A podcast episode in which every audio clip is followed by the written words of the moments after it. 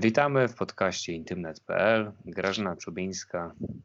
I Maciej Bożenski. Dzisiaj po niewielkiej przerwie dalej porozmawiamy i będziemy kontynuować naszą rozmowę na temat e, transseksualizmu i tożsamości płciowej. Mhm. Także chciałem zadać, e, zacząć od zadania takiego pytania. W jaki sposób dzisiejsza medycyna może pomóc osobom transseksualnym?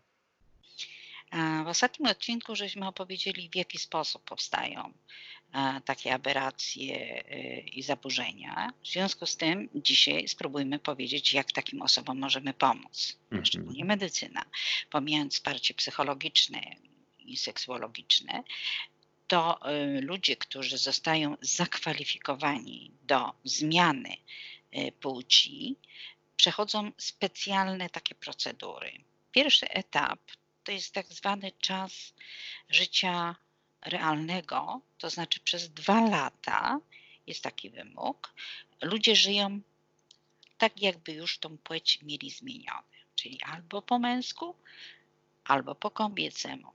Czy to jest wymóg e, prawny polski czy europejski? To jest światowe. To są procedury, które zostały ustalone przez Światową Organizację Zdrowia i w ten sposób um, i medycyny seksualnej i w ten sposób się postępuje, w taki sposób się pomaga. Więc pierwszy etap to jest takie życie jakby w świecie realnym, czyli dana osoba pod opieką oczywiście swojego terapeuty, stara się funkcjonować i żyć tak, jakby już tą płeć zmieniło. Na tym etapie także podaje się hormony w zależności od płci, albo testosteron, albo estrogen, w zależności w którą stronę, czy z kobiety na mężczyznę, czy z mężczyzny na kobietę. Kolejny etap po tych dwóch latach, jeżeli przejdzie test, że rzeczywiście dobrze się czuje w tej swojej Mhm. nowej płci. Następuje mastektomia w wypadku, gdy z kobiety na mężczyznę, lub też również protezuje się te piersi, tak, w drugą mhm. stronę, jeżeli z mężczyzny y, na kobietę. I to jest drugi etap. Trzeci etap, ten najtrudniejszy, to jest etap zmian genitalnych. Mhm. Zmian etap genitalnych jest szczególnie trudny e, z kobiety na mężczyznę, bo z mężczyzny na kobiety jest łatwiejszy i chirurgia już tutaj opanowała do tego stopnia, że bez problemu Taki zabieg oczywiście trwa wiele, wiele godzin, ale już w dobrych ośrodkach na świecie, taki między innymi mamy tutaj w Londynie na Charing Cross, mhm. przeprowadza się takie zabiegi i z penisa tworzy się pochwę. Podwiązując oczywiście i unaczyniając y, podobny sposób. Powiedziałeś, że to jest zabieg e, wielogodzinny i czy ogólnie to jest tylko jedna operacja? Czy... Taki między innymi mamy tutaj w Londynie na Charing Cross. Mhm. Przeprowadza się takie zabiegi i a z penisa tworzy się pochwę podwiązując oczywiście i unaczyniając y, podobny sposób. Powiedziałeś, że to jest zabieg e, wielogodzinny i czy ogólnie to jest tylko jedna operacja, czy szereg operacji? To jest jedna operacja. Jedna operacja, potem może być jakieś tam wyrównywanie, gdyby coś się źle goiło, ale cały ten proces y, trwa w ciągu jednego zabiegu. Trudniejsza kwestia niestety dotyka osób w drugą stronę chcących zmienić płeć, czyli kobiety na mężczyznę. Do dnia dzisiejszego próby y, tworzenia z pochwy penisa nie są zadowalające. Y, można oczywiście stosować różne sztuczne protezy i to się czyni tak? różnego rodzaju wstrzykiwania, e, wkładania pewnych mechanizmów imitujących, e, imitujących penisa. E, też tutaj taką dużą pomocą bez ingerencji chirurgicznej są różne protezy penisa, które mają w dotyku i w pewnych funkcjach bardzo zbliżone parametry do rzeczywistego. Sama miałam okazję widzieć y, produkcję takich właśnie penisów i nawet mieć w ręce, więc skóra, którą jest obleczony taki, y, taki powiedzmy protezowany penis ma dokładnie taką ciepłotę ciała jak e, penis mężczyzny. Więc i również może być ruchomy. Wiem, że pracowano już te kilka lat temu nad tym, żeby również była możliwość tak zwanego wytrysku.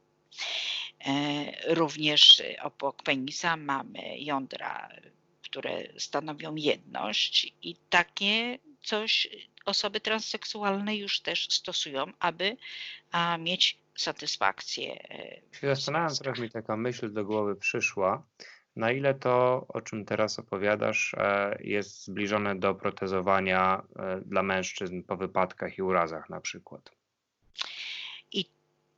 To jest troszeczkę inna kwestia, dlatego że mężczyzna ma penisa i po wypadkach i po urazach następuje tylko ewentualnie jakby protezowanie fizjologii penisa, czyli gdy brak wzwodu, czyli brak przewodnictwa neuro, to wówczas stosuje się również y, poprzez protezowanie, czyli puszczenie takiej protezy do już istniejącego członka. Jego nie trzeba tworzyć od początku. Mhm. Jest to trochę podobne, ale nie aż tak trudne do wykonania jak w wypadku e, osób transseksualnych. Zdecydowanie. Tutaj jeszcze medycyna do końca sobie nie poradziła. Wiem, że w południowej Azji e, dość dużo wykonuje się takich e, zabiegów właśnie, ale jednak ten penis nie odpowiada standardom i ludzie niestety nie są zadowoleni. Hmm. Osobiście powiem szczerze, Maćku, że, że liczę na to, że niedługo z komórek macierzystych po prostu będą takie penisy hodowane i wtedy, e, gdy materiał genetyczny będzie zgodny z kodem danego człowieka, e, i to się myślę wkrótce, tego się wkrótce myślę doczekamy. Mhm. No bardzo ciekawe. Trzy etapy mamy. A tym bardziej, że dla osób, które są właśnie transseksualne, Maćku, jest ten penis w wypadku kobiety na mężczyznę, jest y, takim synonimem, że nareszcie jestem mężczyzną. I pracując z osobami transseksualnymi, y, był czas, że nie potrafiłam zrozumieć, dlaczego ten penis musi być ta proteza tak duża, czy y, tak długa, jeśli to było nawet nieproporcjonalne w stosunku do wysokości ciała, to teraz rozumiem. To o to chodziło, że ci ludzie tak długo czekali na ten symbol, na ten atrybut męskości, że muszą się tym nacieszyć, mhm. nawet jeżeli ta proteza będzie im służyła przez chwilę. E, tu jest bardzo głęboki problem samej psychologii, bo y, dlaczego? Mózg bardzo tego pragnie, człowiek tego bardzo oczekuje tej zmiany płci, ale może się okazać, że w tej nowej postaci nie do końca ludzie siebie akceptują. I takie mhm. przypadki też się zdarzają, stąd bardzo ważny jest ten pierwszy etap życia przez dwa lata e, w czasie tak zwanym realnym, w życiu realnym. Czyli jakby udając w cudzysłowie, już tą przybraną płeć. Oprócz tych zabiegów medycznych, jeszcze istotne są dwie kwestie, mianowicie, e, żeby ułatwić takim ludziom funkcjonowanie w środowisku, często zmienia się jej miejsce zamieszkania, miejsce pracy. No i najważniejsza kwestia to kwestia prawna. Otóż tak fatalnie jest konstruowane prawo, szczególnie w Polsce, że osoba transseksualna musi wystąpić przeciwko własnym rodzicom. Oczywiście składają całą dokumentację zrobioną przez seksuologów, andrologów i chirurgów. W jaki sposób e, to wygląda, że osoba musi wystąpić przeciwko swoim własnym rodzicom? Tak mówi prawo, mhm. że jeżeli chcemy zmienić płeć, to oczywiście muszą być ku temu absolutne powody i dokumenty medyczne, dokumentacja medyczna i przesłanki, nie tylko przesłanki. A, ma, mówimy tutaj, że jest e, terapia na początku. Tak. I e, po wszystkich tych wywiadach, e, czyli no, gdy lekarze orzekną jednoznacznie, że ta osoba może ulec przeobrażeniu tej swojej płci. Wówczas taki komplet dokumentów składa się w sądzie, który no niestety przyjął taką formułę, że żeby zmienić tą płeć, trzeba wystąpić przeciwko własnym rodzicom z pozwem o zmianę tej płci. Mhm. Tylko proszę cię, nie pytaj mnie dlaczego, bo uważam, że to jest absurd, absolutny mhm. absurd, bo dokumentacja medyczna powinna być tym ostatnią instancją, która e, wyraźnie wskazuje, a nie występować jest takim psychologicznym, bardzo niefajnym wybiegiem przeciwko własnym rodzicom, którzy przecież e, nie mają z tym tak naprawdę nic do czynienia poza tym, że okazuje się, że w okresie, jak pamiętasz, szósty, dziewiąty tydzień ciąży może dojść do aberracji i zaburzeń e, w różnicowaniu płciowym. Mhm. Tak, pamiętam, jak rozmawialiśmy, ale teraz może te kwestie prawne sobie na drugi albo trzeci plan zostawmy i powiedziałaś coś takiego, że ten penis jest bardzo ważny, dlatego e, że psychologicznie wiąże się z tym kwestia tożsamości, więc e, chciałem się zapytać, żebyśmy może porozmawiali troszeczkę o tożsamości płciowej. Co to w ogóle jest? Mhm. Myślę, że tutaj y, sami jesteśmy w stanie odpowiedzieć na to pytanie, kim jesteśmy, a takie pytania sobie stawiamy, szczególnie gdy jesteśmy młodymi ludźmi. Tożsamość płciowa to takie poczucie przynależności do danej płci, czyli bycia kobietą lub mężczyzną. Ale w tym określeniu ważna jest nasza płeć psychologiczna, czyli to, co czujemy w głowie, w serduchu i jaką mamy wrażliwość. U większości osób y, przynależność jakby płciowa nie budzi wątpliwości, bo ją określa płeć biologiczna, tak? czyli płeć genitalnie, penis lub wagina. Poza tym atrybuty kobiece, czyli piersi, e, czyli z tego wynika, że jestem kobietą. Natomiast jeśli mam penisa, to znaczy, że jestem mężczyzną w naszej kulturze polskiej szczególnie dominuje, dominuje jakby takie przekonanie o binarności płci, czyli że są hmm. tylko dwie płci, kobieta i mężczyzna. Jednak wiemy już z tej perspektywy kilkudziesięciu lat pracy z ludźmi, że jest to obraz bardzo uproszczony. Świat biologiczny jest o wiele bardziej skomplikowany, a stan wiedzy naukowej na temat ludzkiej seksualności wskazuje, że płeć to całe spektrum umieszczone na osiach od męskości do kobiecości. Są ludzie, którzy według płci biologicznej wyglądają jak kobieta lub mężczyzna, ale ich tożsamość płciowa wskazuje na co innego. Omawialiśmy to przez kilka ostatnich odcinków.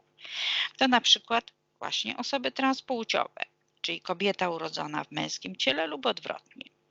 Zdarzają się też ludzie, którzy nie utożsamiają się z żadną płcią, a jeśli tutaj jest taki, taka kolizja wewnętrzna, taki dysonans, bo zdarzają się e, kwestie takie przymuszania, czyli jesteśmy zmuszani do udawania kogoś innego i to prowadzi do głębokiej depresji. Lekarze nazywają ten stan dysforią.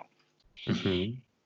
E, I z tego nam jakby wynika e, kolejna definicja, mianowicie definicja orientacji psychoseksualnej. Mhm. To może powiedzmy, czym jest w takim razie ta orientacja psychoseksualna?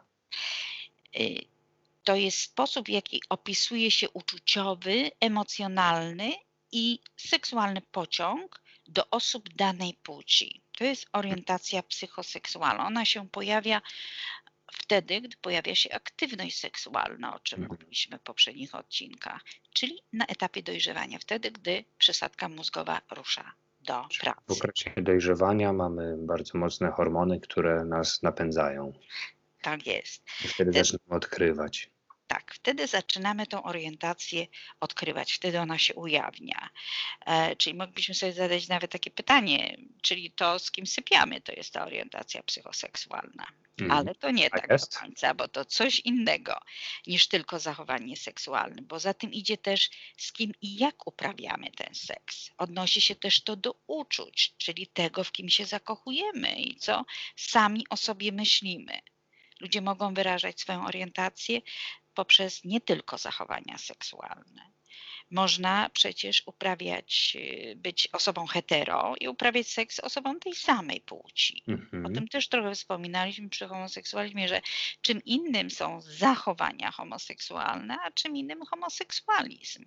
Zachowania homoseksualne może mieć osoba heteroseksualna z różnych przyczyn, bo chce zarobić, e, bo jest zrażona do płci odmiennej, bo została na przykład odrzucona, bo rodzice oczekiwali od najmłodszych lat na przykład, że będzie nie dziewczynką, a chłopcem i tak dalej. Czyli tych przyczyn zachowań homoseksualnych, uwaga, nie mylić z homoseksualizmem. Homoseksualizm jest to absolutnie pociąg do danej płci.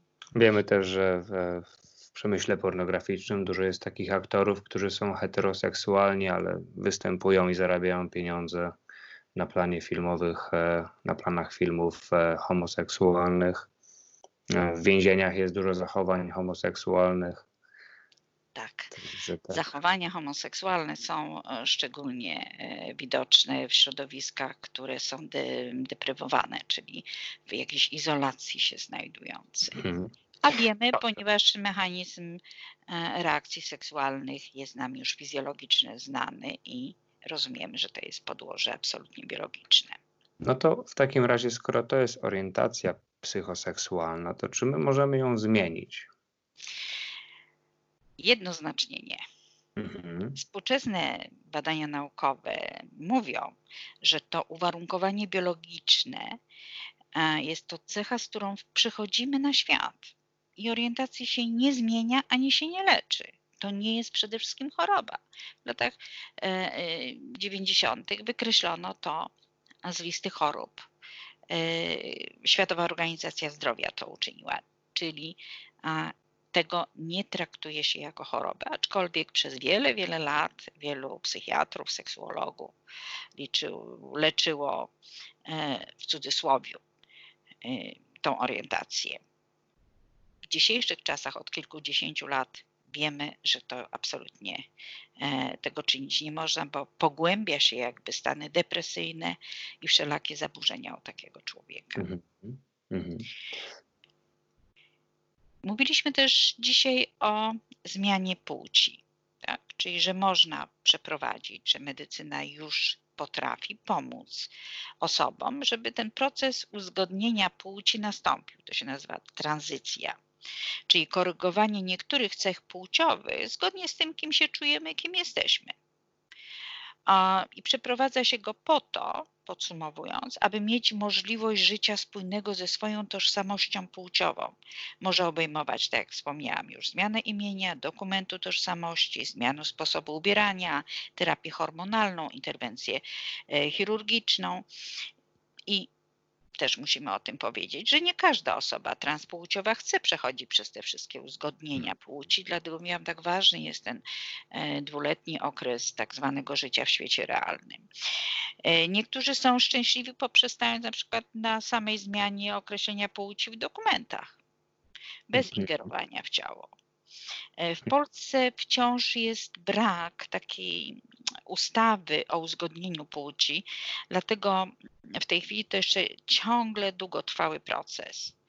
E, I jeszcze jedna rzecz, mimo że e, naukowcy i lekarze wskazują, że najlepiej ten proces przeprowadzić e, w dzieciństwie, to w Polsce ciągle jest to niemożliwe. Taki wniosek o zmianę płci może złożyć tylko osoba pełnoletnia. Mhm. A na świecie się przyjęło w jakim wieku mniej więcej? Różne próby. Mniej więcej też przez wiele lat obowiązywało to pełnoletność, natomiast wiem, że wiele ośrodków klinicznych na świecie już podejmuje takie próby y, androgeniczne właśnie y, w okresie dzieciństwa i młodości, ale w Mhm. ośrodkach klinicznych. Y, Co tutaj jest jeszcze ważne, żebyśmy powiedzieli Maćku, jeżeli ktoś odkryje w sobie taką potrzebę, lub trudność, że e, ma wrażenie, że jest uwięziony w tym swoim ciele, że nie do końca czuje się z nim dobrze, gdzie może szukać pomocy. W Polsce to oczywiście pierwszy krok w tym kierunku powinien się udać lub do lekarza psychiatry i tam zgłosić.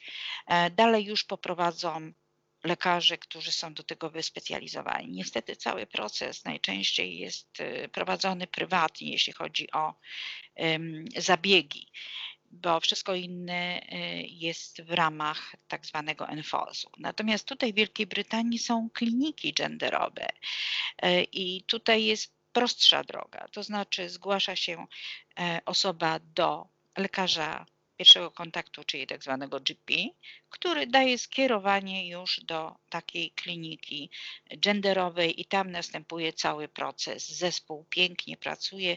Wielka Brytania ma jeden z lepszych ośrodków na świecie e, i sporo takich e, procesów się przeprowadza mhm. rocznie. Czyli w Wielkiej Brytanii jest bardzo duże wsparcie.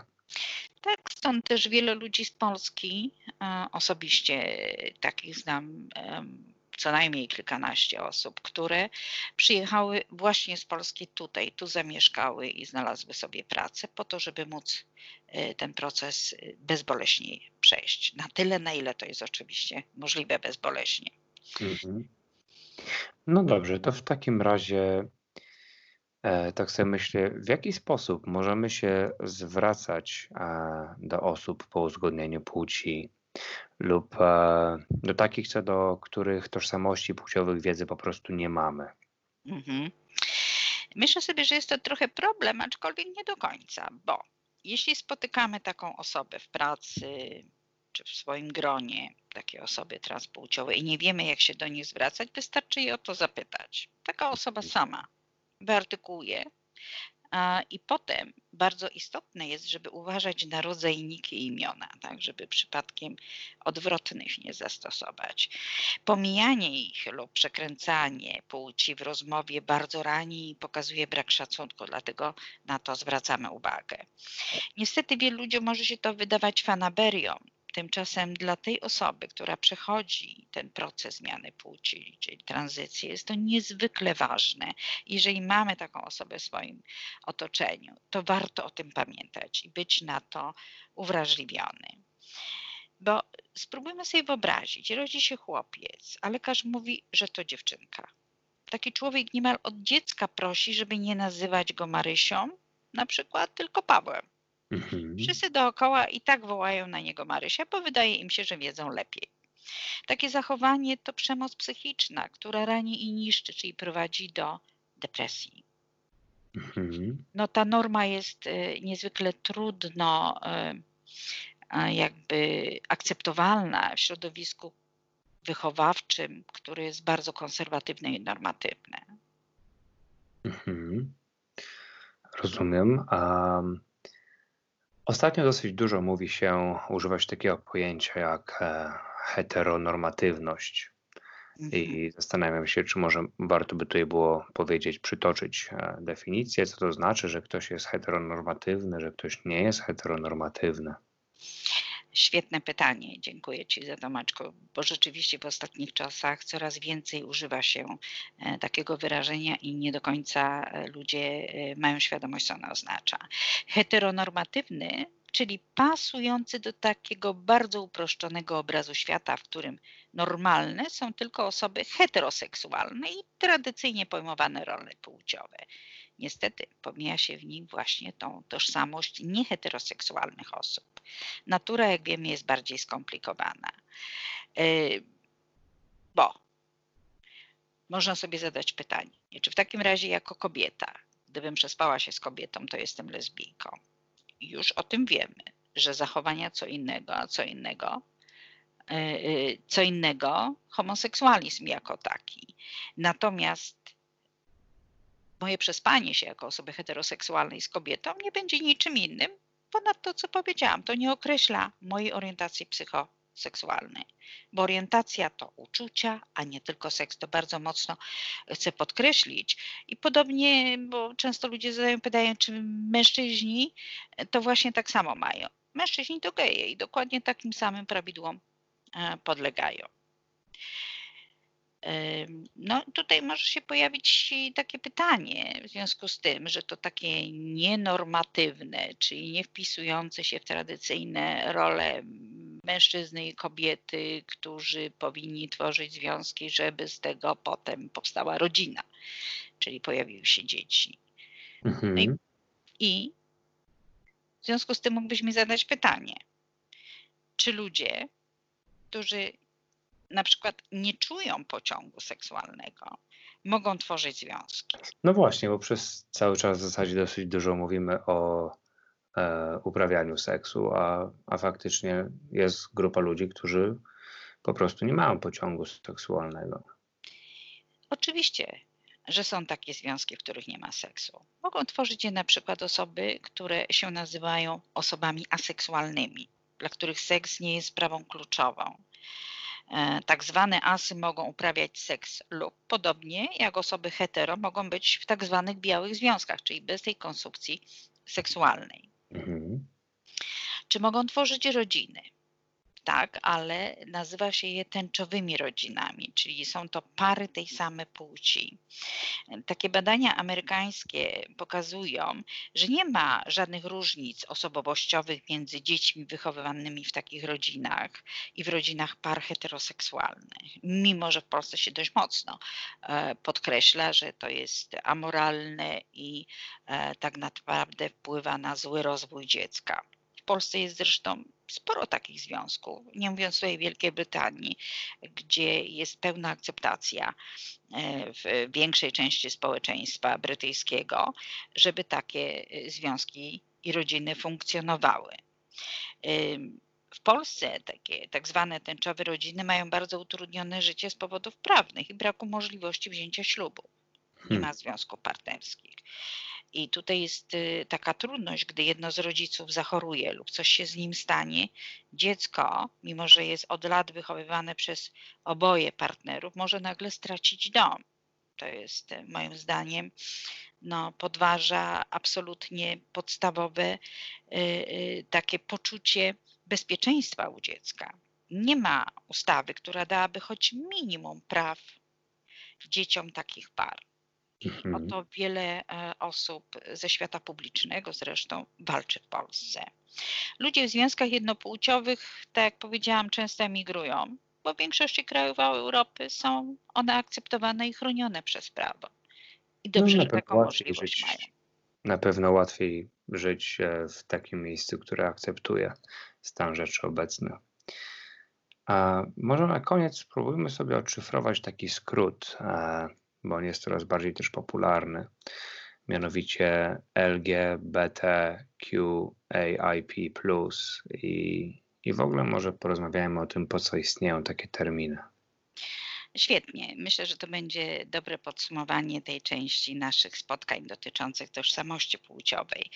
E, otóż są to skróty różnych orientacji i tożsamości płciowych, w kim się ludzie zakochują lub gdzie się umieszczają na tej osi genderowej, od męskości do kobiecości.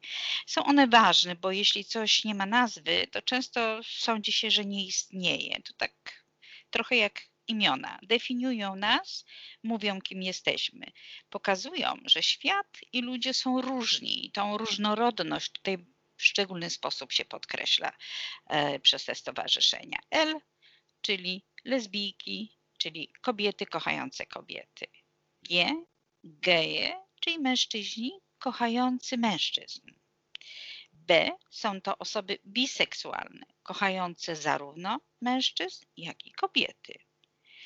T to osoby transpłciowe, czyli takie, które przy narodzinach przyporządkowano do innej płci niż ta, z którą się identyfikują.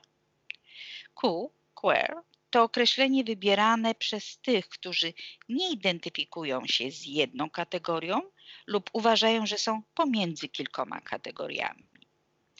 A to nowa kategoria osoby aseksualne, czyli ci, którzy mogą nawiązywać więzi i relacje, także intymne, ale element seksualny nie jest dla nich kluczowy. I, czyli I, to osoby interpłciowe, czyli urodzone w ciele, które ma i męskie, i żeńskie cechy biologiczne, czyli tak zwane obojnactwo trochę. P z kolei to osoby panseksualne, które nie zwracają uwagi na cechy płci drugiej osoby. Mogą one wchodzić w relacje miłosne lub też seksualne i z kobietami, i mężczyznami, i osobami transpłciowymi, i queer. Plus dopisuje się, by pamiętać o wszystkich innych osobach, które nie mieszczą się w tych wymienionych przeze mnie już kategoriach. Dlatego ta nazwa, którą się posługuje coraz więcej środowisk, zarówno naukowych, jak i społecznych, aby wspierać y, tą różnorodność, jaka panuje wśród y, ludzi, właśnie takimi nazwami. Mhm. Uważam osobiście, że jest to świetny sposób na to, żeby te osoby poczuły integrację, poczuły, że mają prawa, mają przede wszystkim też prawo do tego być tym, kim chcą i kim się czują. Mhm. To chyba dzisiaj wyczerpaliśmy e, wszystko, co chcieliśmy powiedzieć na temat transseksualizmu I tożsamości płciowej. i tożsamości płciowej. I dziękuję bardzo za spotkanie. Ja również. Do zobaczenia wkrótce. Do zobaczenia.